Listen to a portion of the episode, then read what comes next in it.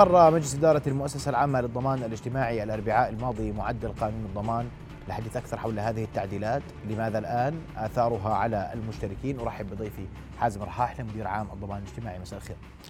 مساء الخيرات. هلا سيدي. رؤيا بودكاست. ومعلش أنا بجملة من الملاحظات على ما أقر يوم الأربعاء. تمام. وراح أبدأ فيهم بالتفصيل. نعم. أول شيء لماذا عدلنا القانون؟ وعندنا نصوص القانون القائم كان ما في أي مشكلة ما بتعمل ولا شيء لا اكتواريا ولا ولا والزياده معقولة وكل شيء بيتواكب معكم مع الاشتراكات. لماذا عدلنا القانون اذا تمام سيدي. آه مساء الخير لك ولجميع المشاهدين وبالفعل هذا السؤال كثير مهم. آه لماذا تعديل قانون الضمان الاجتماعي؟ وإحنا بجوز آه ركزنا على قضية آه بالمؤتمر الصحفي حول إقرار مشروع القانون و السبب الرئيسي لتعديل القانون آه، بتكون من شقين. الشق الأول مرتبط بتقوية وتحسين منظومة الحماية الاجتماعية لأنه غالبية التعديلات اليوم المطروحة على قانون الضمان الاجتماعي غالبيتها مرتبطة بتحسين أوضاع المتقاعدين والمشتركين. آه، الجزئية الثانية مرتبطة بالدراسات الاكتوارية. إحنا نعم آه الحمد لله بآخر دراسة اكتوارية وضعنا أفضل من السابق. إذا بنحكي على الآفاق المستقبلية للضمان الاجتماعي. ولكن آه، دائما بنحكي هالرساله هاي الضمان الاجتماعي هو ليس بسباق ال 100 متر أو 200 متر هو ماراثون وصفات طويلة. 2060 2070 غير كافية لضمان حقوق الأجيال المتعاقبة. فالهدف الأساسي من التعديل اللي هو المد من آه، الوضع المالي للمؤسسه لفترات أطول. آه، إذا بنحكي عن منظومة الحماية الاجتماعية في في ربط الرواتب التقاعدية بالتضخم للمتقاعدين المبكر. إذا بنحكي عن التأمين الصحي اللي هو الحلم اللي طال انتظاره والكل بيطالب فيه. بنحكي عن حساب التكافل الاجتماعي بنحكي عن آه، السماح للمتقاعدين رواتبهم أقل من 300 دينار بالعودة للعمل دون آه، خصم أي مبلغ من الرواتب التقاعدية. فإذا بنحكي عن العنوان الرئيس للمشروع القانون فهو مرتبط بمنظومة الحمايه الاجتماعيه جزئيات بسيطة فقط مرتبطة بالاستدامه المالية للمؤسسة ولكن تأثيرها حيكون فاعل إن شاء الله. بس اسمح لي أستاذ حازم أنت بتحكي عن مالك عن المشتركين مش هيك؟ في تهرب. نعم. من الضمان في انسحاب من الضمان في ابتعاد في موظفين بداوموا بقول لك ما تسجلني في الضمان لو سمحت ليش بتقولوا ليش بقول لك والله امد طويل أنا ما نعم. سنوات طويلة أشهر طويلة تمام وفي ناس بينسحبوا من الضمان أنا بقول لك أنا مطول يا أخي بقدرش نعم. أستنى كل هاي المدة الزمنية نعم. يعني جزئية عدم الاهتمام بشؤون الضمان الاجتماعي خصوصا بين الشباب اليوم هاي ظاهرة عالمية موجودة بسموها مايوبيا قصر النظر لأنه الواحد بيقول لك أنا لما وصل سن التقاعد الله بفرجها فهاي الظاهرة موجودة. إذا بنحكي عن مؤشرات اليوم الإقبال على الضمان الاجتماعي خصوصا بعد جائحة كورونا الإقبال كبير. إحنا بنحكي عن 120 ألف مشترك جديد انضموا للضمان الاجتماعي خلال آه، سنة يعني من شهر 9 2022 ل 9 2021 فبنحكي عن 120 ألف مشترك جديد في الضمان الاجتماعي. هذا الأعلى في تاريخ المؤسسة. الاختياري معدل نمو فيه حوالي 22.5% فكلها أرقام بتأشر على أنه الثقة بمنظومة الضمان الاجتماعي تتحسن ولكن على أساس نحد من قضية آه، قصر النظر. يعني الواحد اليوم بيهتم بالمنافع المباشرة قصيره الأمد. فإحنا اليوم نحكي عن التأمين الصحي. والتأمين الصحي جزئية كثير مهمة. اليوم الاقبال على القطاع العام إذا بتقارنه بالإقبال على القطاع الخاص هو أعلى. ليش؟ لأنه في حماية في أمان وظيفي في تأمين صحي في ضمان اجتماعي. فإحنا الحمد لله هي المنظومة كلها موجودة. الاستثناء الوحيد فيها التأمين الصحي. فالتأمين الصحي أكيد راح يحفز المشتركين هم يعني ينضموا للضمان الاجتماعي. وبنتكلم عن آه، صندوق الحماية التكافل الاجتماعي اللي راح يتكفل بكلف التعليم لأبناء المشتركين المتقاعدين غايات متعددة. فإحنا بنحاول نركز على المنافع قاصره الأمد دون الإخلال بالرساله الأساسية للضمان الاجتماعي اللي هي الحقوق التقاعدية المستقبلية. طيب اليوم ربطوا الحد الأدنى لراتب التقاعد بمتوسط الأجور نعم ليش؟ ليه أنتم الإشكالية كنا خمس سنين نعم حطينا سقف وحطينا نعم. حد أعلى وغيرناه نزلناه رفعناه صح؟ تمام ليش؟ أه بدي أسألك أنا السؤال نفسه مم. يعني أه ليش الحد الأدنى للرواتب التقاعدية ضل مستقر وثابت على 50 دينار من 93 لل 2019 مع إنه قبل 2019 كان في نص مادة بيقول لك إنه يجوز للمؤسسة بناء على تنسيب المجلس وبموافقة من مجلس الوزراء إعادة النظر بحد ادنى الراتب التقاعدي كل خمس سنوات لكن ما تغير هذا الحد إلا ب 2019 من 93 فالضمان الوحيدة لحماية المتقاعدين وجود آلية تلقائية مرتبطة بمتوسط الأجور. الهدف منها حماية المتقاعدين. أنا ما بستنى قرار. أنا بعرف إنه كل سنة بتجي لي زيادة مرتبطة بمتوسط نمو متوسط الأجور المؤمن عليهم الضمان الاجتماعي. فهي آلية آه، تلقائية بتحافظ على آه، حقوق المتقاعدين بتضمن لهم زيادة سنوية تلقائية متكررة. بس هي مرتبطة بالراتب التقاعدي وليس هي مرتبطة بمتوسط أجور المشتركين في الضمان الاجتماعي. مم. إحنا اليوم نحكي عن 35% من متوسط الأجور. فبنحكي عن حد أدنى للراتب التقاعدي 200 دينار. السنة الجاي صار متوسط الأجور 600 دينار. فتلقائيا راح يتعدل الحد الأدنى ويصير 210 دينار فهي زيادة تلقائية مرتبطة بمتوسط أجور المشتركين في الضمان الاجتماعي. يتحمل الضمان كل هذا العبء المالي مثلا؟ آه هون السؤال اللي طرحته قبل شوي. يعني إحنا ما دام وضعنا المالي آه يعني مريح بمفاهيمنا العامة آه ليش آه الضمان بيضيف على حاله كلفه إضافية؟ الضمان الاجتماعي رسالته الأساسية هي حماية اجتماعية. إذا بنشوف اليوم متقاعدين رواتبهم متدنية فمفهوم الحماية أصبح فيه بس هذول ما لهمش زيادة لن تشملهم لهم. زيادة. 18000 متقاعد مجرد اقرار قانون راح يستفيدوا من زيادة الحد الأدنى للراتب التقاعدي. امم يصيروا 200 كلهم نعم. وهذا هذا الحد آه، قابل لزياده سنة بسنة. فإحنا بنحكي عن 18000 واحد راح يستفيدوا من آه، من الحد الأدنى. بنحكي عن البنات اللي حكينا اليوم إذا كانت واحدة متزوجة أثناء أو بعد وفاة مورثها والدها في الحالة هي تحرم من حق التقاعدي آه، للأبد اليوم عدلنا القانون بالمشروع القانون إن شاء الله وراح نتيح للبنات الأرامل والمطلقات بالحصول على حصة من رواتب آه، الراتب التقاعدي لمورثهم. عدلتوا شيء على ال ال ال الإناث وحقوق التقاعدية والتوريث في الإناث؟ آه، الإناث يا سيدي العزيز المرأة وحكيت أنا عندك بالبرنامج هنا المرأة تورث مثلها مثل الرجل، الاستثناء الوحيد إنه زوجها ما له حصه من راتب التقاعد الا إذا كان عاجز بقرار من من المرجع الطبي في الضمان الاجتماعي. فالمراه تورث زيها زي الرجل. مش عاجز لكن آه هو يقطع يعني كان نعم. وحدة كانت تصرف على البيت. نعم. هذا موجود اليوم أنا مش بحكي شيء مش موجود يعني ما ببالغ. إحنا الضمان الاجتماعي اليوم نتعامل مع أولويات وقوانيننا مستمدة من عاداتنا وتقاليدنا. فاليوم مسؤولية الأسرة بشكل أساسي على على الرجل. إحنا بنحكي عن جزئية بسيطة اللي هي توريث المرأة لزوجها. الضمان الاجتماعي اليوم ما عنده قدرة إنه يتحمل كلف إضافية مش مش جاي ضمن أولوياته. الأولويات اليوم أبناء المتقاعدة أو صاحبة الراتب التقاعدي أولوية بالنسبة لنا. لذلك القانون بنصفهم فيما يتعلق بالميراث. طيب. ربط الرواتب التقاعدية بتضخم أو معدل النمو السنوي للأجور حسب ما 90 نعم. يمكن أن يكون كافي من خلال إعادة النظر بالآلية المنصوص عليها حاليا بالقانون مع وضع حد أدنى وحد أعلى لهذه الزيادة السنوية نعم. إلغاء الفقرة د من المادة المذكورة تنص على توزيع الزيادة بالتساوي على جميع الرواتب التقاعدية نعم. شو المقصود؟ آه إحنا اليوم تعرف قبل 2019 م. كانت الرواتب التقاعدية آه، مرتبطة بالتضخم أو معدل نمو الأجور أيهما أقل فدائما وين بنروح؟ على المعدل الأقل فإذا كان خلينا نحكي معدل التضخم 3% ومعدل نمو الأجور 1% وين بنروح؟ على 1% وكانت الزيادة اللي هي نسبة تناسب الراتب التقاعدي. فاللي راتبه مرتفع بيحصل على على زيادة مرتبطه يعني آه، مربوطة براتبه التقاعدي مربوطة بتضخم أو معدل نمو الأجور. والراتب المتدني بيحصل على زيادة إيش؟ متدني لأنه راتبه أصلا متدني. فإحنا إجينا حسبنا كل هالزياده هاي وزعناها بالتساوي على كل المتقاعدين بحيث إنه راتبه قليل أو ضئيل يستفيد بشكل نسبي أعلى من رواتبهم آه، مرتفعة. وهي سياسه الضمان الاجتماعي اللي هي تضامن وتكافل. آه، فيما يتعلق بالتقاعد المبكر اليوم. آه، سابقا أي واحد بيتقاعد مبكر ما بيستحق الزيادة السنوية إلا ما يكمل سن 60 بالنسبة للذكور و55 للإناث. اليوم مع تعديل القانون راح يبلشوا يستفيدوا من الزيادة السنوية المرتبطة بالتضخم. نحكي عن متقاعدين مبكر قبل بلوغهم سن 60 أو 55 للإناث. قد شو الاثر الأثر المالي المتوقع للقانون المقترح؟ أنتم دارسين الرقم. نعم. إذا بنحكي عن آه، الأثر المالي المرتبط بمنظومة الحماية الاجتماعية إذا بنحكي عن توريث آه،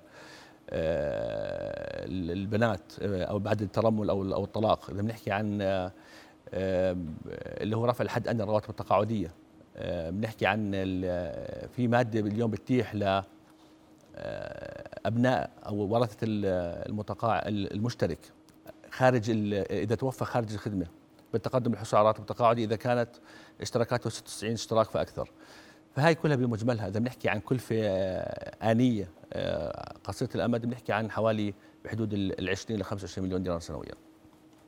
هذا بدراسات نعم نعم سيدي. قديش بنقدر نصمد عليه انت إحنا الدراسة الاكتوارية نعم. بتقول 20 60 20 70 صح؟ نعم. آه. في عندنا كلف مباشرة اللي حكينا عنها قبل شوي وفي عندنا اللي هي الوفر اللي راح يتحقق من الإصلاحات المرتبطة بالتقاعد المبكر على المدى البعيد. ال- القانون كمنظومة متكاملة. كلف المالية آه، يعني آه، محدودة على الضمان الاجتماعي لأنه في تعديلات راح تحسن من آه، الع- العوائد المالية للمؤسسة سواء على المدى القصير أو المدى البعيد. وفي تعديلات بترتب عليها كلف اللي حكيناها قبل شوي جزء منها. فالحمد لله يعني ماليا بنحكي ال- المنظومة متكاملة ومتوازنة وما فيها تأثير مالي قصير الأمد على الضمان الاجتماعي، التأثير راح يكون على المدى الطويل وراح يكون في آه، اتجاه إيجابي إن شاء الله. بسالك سؤال موضوع رفع سن آه، تقاعد. الشيخوخه تمام. ليش؟ شوف إحنا اليوم الضمان الاجتماعي أعطيك إياها كمان كمعلومة ولاخواننا ال- المشاهدين. الرواتب التقاعدية كلها مدعومة. كلها؟ مدعومة إيش يعني مدعوم؟ بمعنى مم. اللي أنا بدفعه كاشتراكات بيقابلوا رواتب تقاعدية بتفوقها بشكل كبير. كل واحد مضى على تقاعده خمس سنوات في الضمان الاجتماعي بيكون استرد كل الاشتراكات دفعها للضمان الاجتماعي. خمس سنوات بالكثير. الفترة المتبقية هي مين راح يتحملها ككلفة؟ الأجيال القادمة. هذا دين ضمني على الأجيال المت- القادمة. رفع سن تقاعد الشيخوخة مرتبط بالجيل الجديد، إحنا بنحكي عن أي واحد ما عنده ثلاث سنوات اشتراك بواحد واحد 26 إحنا حسب دراساتنا حسب ال- الواقع اليوم توقع الحياة بزيد سنة كل عشر سنوات. فإذا توقع الحياة بزيد فالفترة اللي بيحصل فيها المتقاعد على راتب التقاعدي بتكون أكبر. فلازم دائما يكون في آه، نحاول إنه آه، يكون في آه، ربط مباشر بتوقع الحياة. الهدف إنه نخفض الكلفة على منظومة الضمان الاجتماعي لأنه في المحصلة الكلفه الاضافيه هي راح يتحملها الجيل القادم. فالموضوع مرتبط بتوقع الحياة مرب- مربوط ب آه، بسخاء المنافع التأمينية اليوم عندنا موجودة. آه، أنا وحكيت حكينا بالمؤتمر الصحفي مجموع الاشتراكات اللي تقاضاها الضمان الاجتماعي عن المتقاعدين حاليا 3.5 مليار دينار. الرواتب التقاعدية مصروفة لغاية اليوم 9.5 مليار دينار. والفاتورة مستمرة بالزياده، اشتراكات توقفت ولكن الرواتب التقاعدية في استمرار. فهذا العبء كله. آه، هاي الفروقات بين الاشتراكات والرواتب التقاعدية. هاي دين ضمني بده يتحملها في المحصله الجيل القادم. فيا إحنا اليوم بنفكر آه، بشعبويه وبنقول خلاص الحمد لله اليوم وضعنا مالي ممتاز. الفائض التاميني عن نص مليار موجوداتنا 14 مليار دينار. ونبلش نكون سخيين فوق اللزوم. لكن بالحالة هي بنكون نخدع قاعدين الجيل القادم. لأنه هاي كله دين ضمني عليهم راح يتحملوا في المستقبل. فإذا ما فكرنا للمدى البعيد بكون هون الإخفاق. إحنا يعني اليوم كمؤسسة الحمد لله وضعنا مرتاح. وأنا بحكي لك إحنا كمدير عام كمعنيين بتعديل القانون زملائي في المؤسسة. مصلحتنا إنه نخلي الأمور ماشية. وضع مالي ممتاز وما نطلع لقدام. لكن المسؤولية تحتمل علينا إنه نفكر لقدام لأنه في المحصلة ب- بهمنا ضمان حقوق الأجيال المتعاقبة. بس سالته سالته مثلا الشباب آه، 40 سنة بده يقعد في السوق عشان يأخذ راتب الشيخوخه مثلا.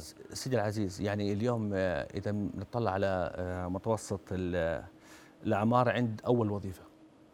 خلينا نفكر فيها متوسط الأعمار عند أول وظيفة. كم اليوم؟ 27 ل ل 30 سنة. أول وظيفة. متوسط الأعمار يعني الواحد اليوم لما لما يحصل على أول وظيفة بده يكون مت... كم عمره بده يكون. مع ارتفاع نسبه البطالة مع ال... فاحنا بنحكي عن فترة معقولة بين سن ال 30 لل لل 62 وتوسعنا ببدل التعطل. يعني الواحد سؤال آه، يعني آه، آه، وجيه دائما يطرح بيقول لك طب إذا التقاعد قاعد بيزيد أنا إذا توقفت عن عمل بمرحلة متأخرة من عمري إيش راح اساوي نقول له هي إحنا توسعنا في بدل التعطل. فاليوم موضوع التقاعد المبكر أصبح آه، يستخدم ك كأداة بإيد صاحب العمل. إذا ما عجبه العمل بيقول له أنت مستحق تقاعد مبكر الله معك فتجديد شروط تقاعد مبكر أصلا هي لصالح العامل. اليوم أوروبا بتحكي أنا أنا ما ما ما بحاول أعمل مقارنة بينه وبين أوروبا. لكن آه، هم إحنا اليوم الحمد لله إجراءاتنا استباقية. ال- الإشكالية اليوم بالدول المتقدمة انهم تأخروا في الاصلاحات التقاعدية واليوم هم في ورطة سن التقاعد 67 68 69 ليش؟ لأنهم ما تفادوا هالقضيه في السابق. فما بدنا نوصل لمرحلة إنه نضطر نرفع سن التقاعد مستقبلا ل 67 و 68 لأنه يعني أنت عارف ال- الأوضاع ما بتسمح. فكل ما كنا استباقيين في إجراءاتنا كل ما كنا بحاجة أقل لإجراء إصلاحات في المستقبل. طب هذا كيف بنطبق بنطبق كل المقترحات اللي قدمتوها على ال- الجهاز العسكري والأمني؟ آه، الجهاز العسكري والامن اليوم بدفعوا اشتراكات آه، بتزيد عن عن اشتراكات باقي المشتركين كيف يعني؟ اليوم الجهاز العسكري بدفع 28% آه، للشيخوخة وإصابات العمل مم. بينما ال- القطاع الخاص اليوم بدفع لكل التأمينات بدفع 22% إلى ربع القطاع العام بدفع 18.5% ففي فروقات بالاشتراكات وهي الفروقات موجودة لتغطية ال- الفرق بسن التقاعد بين العسكري والمدني. طيب بدي أسألك سؤال لأنه برضه الناس بتحكي فيه. هذا كله اللي بتعملوه ناجم عن ما قام به الضمان في أزمة كورونا. نعم. المبالغ اللي دفعت نعم. للخزينة في بعض الأحيان هذا رأي الناس. نعم. وما تك يعني خسائر الضمان نعم. في أزمة كورونا. آه، أنا ولا ما خسرته في كورونا؟ نعم. بكل الاحوال لا يمكن آه، أن نطلق على ما أنفق الضمان الاجتماعي خلال جائحة كورونا بخسائر. بالعكس هي كان استثمار في استقرار اقتصادي واجتماعي وكان لمصلحة الضمان الاجتماعي آه، في المحصلة. لأنه اليوم بتشوف زيادة في أعداد المشتركين الثقة بمنظومة الضمان الاجتماعي الحمد لله تحسنت. جميع برامجنا اليوم اللي أطلقناها خلال جائحة كورونا بالمناسبة الغالبية باستثناء السدان ورح نحكي عنه الغالبية كلها في مسترد. إحنا اليوم دراسة اكتوارية. أخذت بعين الاعتبار إجراءاتنا قمنا فيها بجائحة كورونا ونتائجها كانت أفضل من الدراسه الاكتوارية التاسعة اللي قبلها. فكل المؤشرات سواء الحالية أو المستقبلية بتدل إنه تدخلنا في جائحة كورونا كان صحيح 100% ويوم عن يوم إحنا مقتنعين أكثر بإجراءاتنا خلال الجائحة لأنها بصراحة ساهمت في استقرار اقتصادي. إذا بنطلع على المنشآت استفادت من برامجنا. حجم العمل فيها مستقر بعد الكورونا. إذا بنطلع على اعداد المستفيدين مليون و200 شخص استفادوا من برامجنا. لولا وجود الضمان الاجتماعي إيش صار فيهم؟ فبدنا نفكر بمسؤولية ما نحكم اليوم على المعطيات بأثر رجعي. أنا وأنا بصراحة بدي أستغل برنامجك هنا ويعني وأوجه رسالة لجميع ال- ال- المعنيين في الضمان الاجتماعي. إحنا أرقامنا واضحة مبررات تدخلنا في جائحة كورونا وا- واضح. حتى مشروع تعديل القانون بالنسبة لنا آه، واضحة أبوابنا مفتوحة. ما ننتبه للخزعبلات الإعلامية لأنه مش بصالحنا. إحنا اليوم نتعامل مسؤولية موجودين. اللي جاب عن أي استفسار. وأنا ببرنامج سابق لك طلعت وحكيت إنه آه، برامج أوامر الدفاع هي ممولة بالكامل. فلا نحاول آه، نقلل من أهمية إجراءات اتخذت في ظرف استثنائي. هاي المسؤولية. إذا بنتعامل محاسبيا لا والله بنضلنا قاعدين بنتفرج بنقول خلاص كل واحد يدبر حاله. لكن مش هاي رسالة الضمان الاجتماعي. الضمان الاجتماعي مهامه ودوره من مسماه الضمان الاجتماعي. فبأكد لك الحمد لله إجراءاتنا في جائحة كورونا كانت إيجابية بالإطلاق سواء على المدى القصير المتوسط أو المدى البعيد. فبطمن الجميع الحمد لله. هذا التعديل لم يأتي لهذا السبب؟ ابدا ابدا ابدا. ولا له علاقة بموضوع جائحة كورونا ولا له علاقة. بالمناسبة الدراسات الاكتواريه المتعاقبه مش العاشرة ولا التاسعة الثامنة والخ... والسابعة والسادسة والخامسة. كلها كانت تحذر من موضوع التقاعد المبكر وكانت تحكي إنه زيدوا سن التقاعد آه، موضوع ربط الأجور آه، متوسط الأجر بكامل اجور المشترك. هاي توصية قديمة جدا. اليوم بصير بدي أحكي على الجزئية هاي لأنه في عليها كثير. آه كيف بدك تحسب الراتب اليوم؟ بدك تعمل شو؟ يعني اليوم أنا هسه أنا بشتغل وراتبي 500 دينار. راح أتقاعد بعد 15 سنة. خلينا نوضحها للجميع. فبدي أحسب متوسط بدي أبلش أحسب متوسط الأجر على مدار 15 سنة. أجري 500 دينار اليوم بال 2022 ما راح يكون محسوب زي ما هو. بدي أعدله بما يعادل قوته الشرائية بعد 15 سنة. فال 500 دينار راح تكون مربوطة سنويا بمعدل التضخم في السنوات اللاحقة. فممكن 500 هي تكون 750 800 دينار بعد 15 سنة. فهاي قضية ضروري الجميع يفهمها. ال- الجميع ما راح يتأثر بهاي بهاي المعادلة. بالعكس في بعض المشتركين راح يستفيدوا منها. من يتأثر؟ اللي عنده قفزات كبيرة في الرواتب التقاعدية في ال- في الأجور الخاضعة والغاية منها زيادة الرواتب التقاعدية. هل يعقل إنه واحد دافع اشتراكات خلينا نحكي 100000 دينار ومضى على تقاعده ست سنوات يصير مجموع رواتب التقاعدية قضاها 500000 دينار؟ أي نظام تقاعدي تأميني بده يتحمل هيك كلف.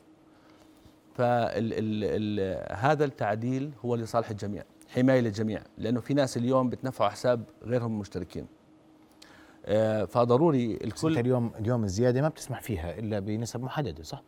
الأجور ابدا ابدا. يعني أنا أقول لك اليوم أنت عندك بقانون الضمان الاجتماعي آه، في آه، مادة بتحكي إنه أجرك في آخر 60 اشتراك لازم ما يزيد بأكثر من 60% اللي بيصير اليوم وبعطيك حالات فعلية ممكن إن شاء الله بحلقة يعني أخرى إن شاء الله نجيب حالات فعلية. الواحد بيجي قبل 60 اشتراك بيضاعف رواتبه. حالات تجينا واحد كان خاضع على 450 دينار. على مدار 25 سنة. بآخر خمس سنوات 5000 دينار. في نظام تقاعد في العالم بتحمل هي قفزات. راتب التقاعد راح يكون معتمد على آخر خمس سنوات بينما اشتراكات تم أخذها على على كل الفترة. فبنتعامل بمسؤوليه التعديل الهدف منه التعامل بعدالة مع جميع المشتركين. لا يجوز لفئة أن تستفيد على حساب فئة أخرى. فهو اليوم الواحد اللي عنده قفزات في أجوره ما هو باخذها على حساب غيره من المشتركين. هلا مش صار في سقف أعلى للراتب الخاضع السقف موجود سيدي العزيز السقف 5000 دينار ولا للجدد 3300 دينار. لكن إحنا بنحكي عن قفزات. إيه، مين الجدد؟ مين مين يحسب معلش. اللي اشترك في الضمان الاجتماعي بعد 2014 لأول مرة. هذول جدد هذول نعم نعم. آه، فإحنا بنحكي عن سقف اليوم الأجر الخاضع 5000 دينار. بس بهمنا اللي ما قبل الوصول إلى السقف. يعني واحد بيكون أجره بطول طول فترة عمله بدفع الاشتراكات على أساسها. مثلا خلينا نحكي 500 أو 1000 دينار وبعدين ولا هو آخر خمس سنوات 5000 دينار.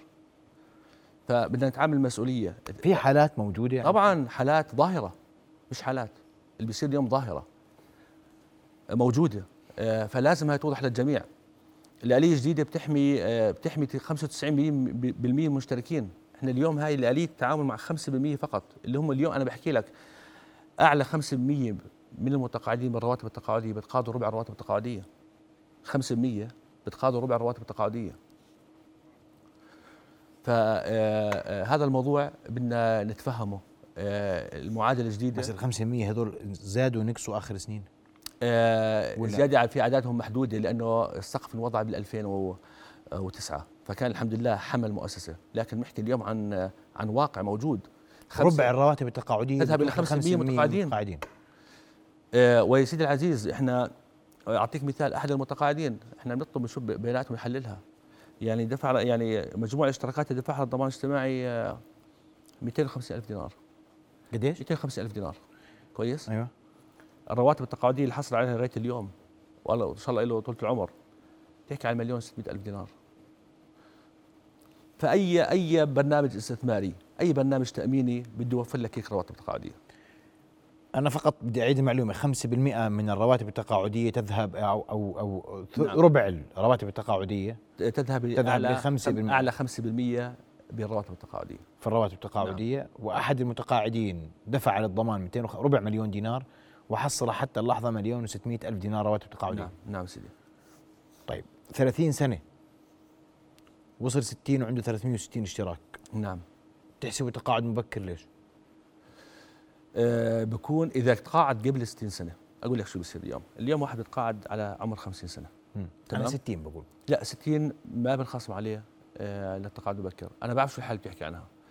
الحاله اللي بتحكي عنها إنه واحد بيتقاعد على عمر 50 بيجي عليه خصم اللي هو الخصم المبكر. فبقول لك أنا لما أوصل 60 ليش ما تقيموا عن الخصم هذا؟ الخصم على عمر 50 هذا موجود لحتى يغطي الفترة الإضافية اللي بيحصل عليها المتقاعد رواتب تقاعديه وهي ال 10 غير كافية. على خم... على عمر 45 اليوم المتقاعد يخصم منه 18% بينما الفترة اللي بيحصل عليها على رواتب تقاعديه بتزيد عن المتقاعد العادي الاعتيادي على 60 ضعف الفترة. بينما إحنا نخصم عليه كم؟ بس 18% فالخصم موجود اليوم مرتبط لكن كل من من وصل ال 60 ايا كان رقم اشتراك. ما عليه خصم لل في شيء اسمه تقاعد مبكر. قاضي تقاعد شيخوخة وجوبي. مم. حتى لو اشتراكه 360 اشتراك. نعم سيدي. نعم. طيب. أنا بدي أشكرك أستاذ حازم. إحنا حاولنا نجيب على معظم التساؤلات حول موضوع الأثر المالي على القانون رفع سن تقاعد الشيخوخة مدة العمل. ذكرت أنت بوضوح إنه سن العمل اليوم من 27 ل 30 هذا أول عمل يلتزم فيه الناس. موضوع التهرب التأميني ذكرناه آه، بوضوح. وأيضا آه، أجبنا على قضية العسكريين وعلى مختلف جوانب التعديلات التي طرأت على قانون الضمان الاجتماعي المقترحة إن صح التعبير. أشكرك كل الشكر أستاذ حازم. لنا حديث قريبا في موضوع صندوق استثمار الضمان الاجتماعي. آه، جاهزين؟ لأنه الناس اليوم أنت بتقول ارتفعت نسبة الثقة في الضمان الاجتماعي. نعم. بدنا نتوثق طبعا. فعلا ارتفعت الثقة أم لا في الضمان الاجتماعي؟ مهم مهم آه، وكل مشترك مهم يعرف هو آه، أموالهم آه، أمواله وين بتروح. كيف جميل. كيف تستثمر. فهذا حق موجود إن جميل. شاء الله وإحنا جاهزين نتعامل معه أشكرك كل الشكر مدير عام الضمان الاجتماعي الأستاذ حازم رحاح اللي شرفتنا بحضورك. شكرا جزيلا لك. رؤيا بودكاست.